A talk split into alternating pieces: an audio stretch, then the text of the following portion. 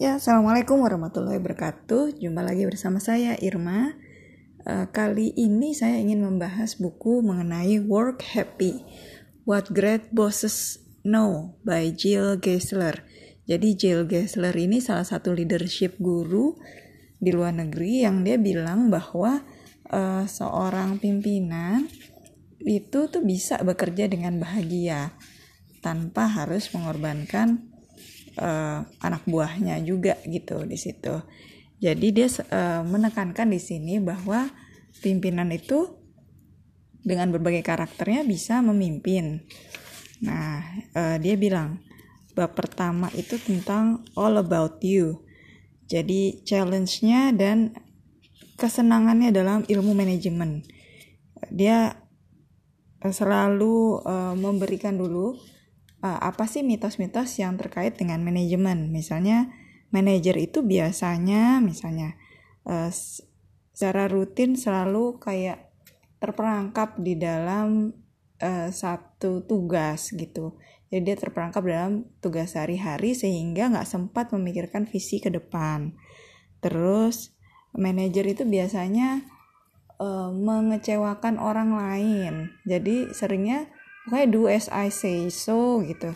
Lakukan apa yang aku perintahkan sehingga sering menyakiti perasaan anak buahnya gitu. Terus uh, manajer uh, selalu mendorong orang keluar dari comfort zone-nya. Jadi dia pertama menjelaskan dulu mengenai yang biasanya manajer lakukan tuh seperti apa. Kemudian uh, dia menggambarkan uh, betapa ketika seminar dia menanyakan ke orang-orang apa sih kualitas dari manajer itu yang paling mereka sukai. Nah dari situ dia menggali, oh ini sebetulnya membuat para leader itu dihargai dan e, dari jawabannya sebetulnya mengerucut ke beberapa poin penting gitu. Jadi pertama kita juga harus menentukan apakah kita ini manajer atau leader. Kalau manajer ya kita akan menjadi orang yang organize misalnya ya. Mempunyai kontrol dan bisa problem solve. Tapi kita tidak motivate people. Kalau kita leader kita punya visi ke depan pertama. Kita adaptif dengan perubahan. Dan kita punya arah dan tujuan dalam satu uh, organisasi. Kita tahu siapa yang bisa kita delegasikan. Itu seorang leader biasanya menghasilkan leader-leader juga di bawahnya karena leader punya kemampuan pendelegasian yang uh, mumpuni di situ. Sementara manajer ibaratnya seperti seorang uh, serdadu yang bagus, tapi uh, dia lebih ke arah serdadu yang efisien gitu. Sementara kalau leader dia orang yang bisa cope up with challenge ya, selalu bisa apa namanya uh, menghadapi tantangan. Nah, pertama yang juga ini kita harus tahu, kita itu sebagai pimpinan punya empat kekuatan. Kekuatan yang ibaratnya memaksa orang lain, uh, kayak memaksa orang lain untuk melakukan sesuatu ya, power leader gitu. Tetapi sebaiknya kekuatan itu paling jarang digunakan kita itu punya tiga kekuatan yang lain selain memaksa orang lain. Yang uh, yang paling bagus adalah kita sebagai referen power. Jadi uh, referen itu orang datang ke kita untuk meminta referensi karena tahu kapasitas kita bagus dalam hal itu. Secara ilmu pengetahuan bagus, secara pengalaman juga bagus, sehingga kita bisa dimintai uh, ide atau usulan. Kemudian power yang lain adalah reward power jadi seorang pimpinan juga harus tahu dengan tepat kapan dia akan memberikan reward kepada orang lain. Ada juga uh, yang legitimate power. Legitimate power itu kita punya itu karena kedudukan kita. Kedudukan kita sebagai pimpinan, jadi kita punya wewenang terhadap hal yang harus kita lakukan. Tapi yang paling penting itu adalah referen dan reward power. Reward dan referen itu harus menjadi dua kekuatan utama kita. Meskipun kadang-kadang kita harus pakai telunjuk sakti juga untuk beberapa kasus. Contohnya kasus-kasus yang urgent. kasus-kasus yang uh, darurat berkaitan dengan misalnya kondisi yang harus mengambil keputusan segera silahkan ambil keputusan atas dasar uh, logika dan kita harus menyelamatkan organisasi ini itu itu harus mengambil keputusan dengan cepat dan one way tapi jika itu tidak harus dilakukan kita sebenarnya masih bisa menggunakan uh, referent power dan reward power itu intinya uh, kita sebagai pimpinan itu harus bisa memanage diri sendiri dulu secara emosional dan secara logika sebelum kita bisa memanage orang lain.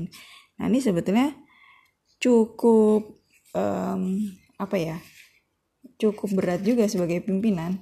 Tapi yang harus kita ingat terus-menerus adalah sebagai pimpinan kita harus terus-menerus merefleksi diri. Jadi pertama kita harus self awareness kita dulu apa seberapa kenal kita pada diri kita sendiri sekali lagi menganalisa apa sih kekuatan diri kita dan apa kelemahan diri kita kekuatannya diperkuat kelemahannya dikurangi meskipun mungkin tidak bisa hilang 100% terus setelah kita ada self awareness kita ada self management bagaimana kita meregulasi diri kita sendiri. Misalnya kalau kita orangnya lupaan ya catatlah itu di dalam satu agenda gitu.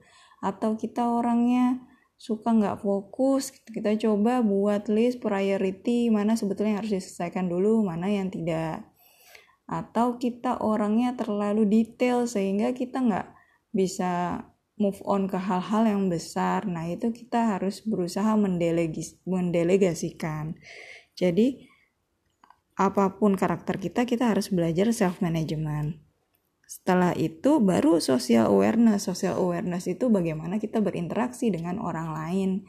Ini kita juga harus tahu tipe-tipe uh, rekan kerja kita, apakah dia introvert kah atau extrovert kah, apa yang dia suka, apa yang dia tidak suka, melihat dari sudut pandang orang lain. Uh, dan interpersonal skill ini sangat penting ketika menjadi pimpinan. Jadi kita semua itu bisa menjadi pimpinan yang uh, apa namanya menyenangkan. Seandainya ber, berilmu kemudian kita coba ke sehari-hari. Dan kita coba komitmen ayo deh perbaiki diri. Uh, perbaiki diri setiap tahun kita refleksi. Bahkan lebih bagus lagi kalau kita bisa melakukannya jadi jangka pendek. Setiap tiga bulan sekali kita refleksi lagi apa sih yang harus kita tingkatkan sebagai pimpinan? Gitu. Jadi di sini di buku ini ada buku-buku ada panduan-panduan tes-tes kita mengenai how good we are as a leader sih. Uh, Oke, okay. semua yang paling dia, dia garis bawahi adalah uh, motivation that really matters. Jadi untuk hidup dan bekerja bahagia kita harus bisa memotivasi orang lain. Ini yang juga senada dengan buku yang saya sempat baca dulu Dale Carnegie The Leader in You.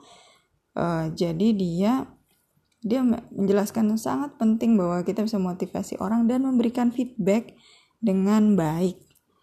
Kalaupun feedback itu mesti pahit kita sampaikan, cara penyampaiannya juga harus baik gitu. Jadi uh, dia bahkan menyampaikan ini ada contoh-contoh perkataannya terus habis itu bagaimana kita uh, memberikan apa namanya feedbacknya yang konstruktif sehingga kita jelas gitu uh, memberikan puji terhadap apa. Jadi kadang-kadang kita pun juga harus memberikan fit, uh, teguran secara keras kepada orang-orang yang kita lihat memang nggak bisa. Kalau misalnya uh, kalau misalnya kita pertahankan dia akan merugikan organisasi secara besar. Tetapi sebelum sampai ke hal-hal yang krusial misalnya harus memberhentikan harus ada upaya untuk berbicara dulu secara lisan konseling uh, sebelum benar-benar terjadi pemutusan hubungan.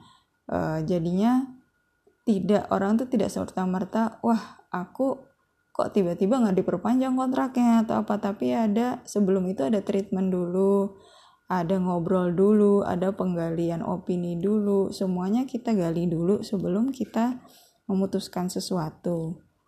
Jadi uh, sangat menarik buku ini, memang ditulis dalam bahasa Inggris semua. Cuma saya rekomen banget teman-teman untuk mempunyai buku ini. Uh, dan cara menulisnya sangat menyenangkan ya. Jadi karena Jill Jill Geisler ini in, uh, sangat ekstrovert gitu orangnya dia menulisnya juga sangat uh, seperti kayak ngobrol dengan teman ya kalau saya baca buku ini. Gitu. Jadi uh, hopefully you will like this book. Kalau saya beli kemarin itu di Books and Beyond. Uh, gambarnya kuning dari covernya aja menyenangkan banget gitu. Jadi teman teman-teman bisa belajar banyak dari buku. Oke okay? Itu saja episode kali ini. Semoga kita bisa ketemu lagi di episode review buku yang lain. Terima kasih. Assalamualaikum.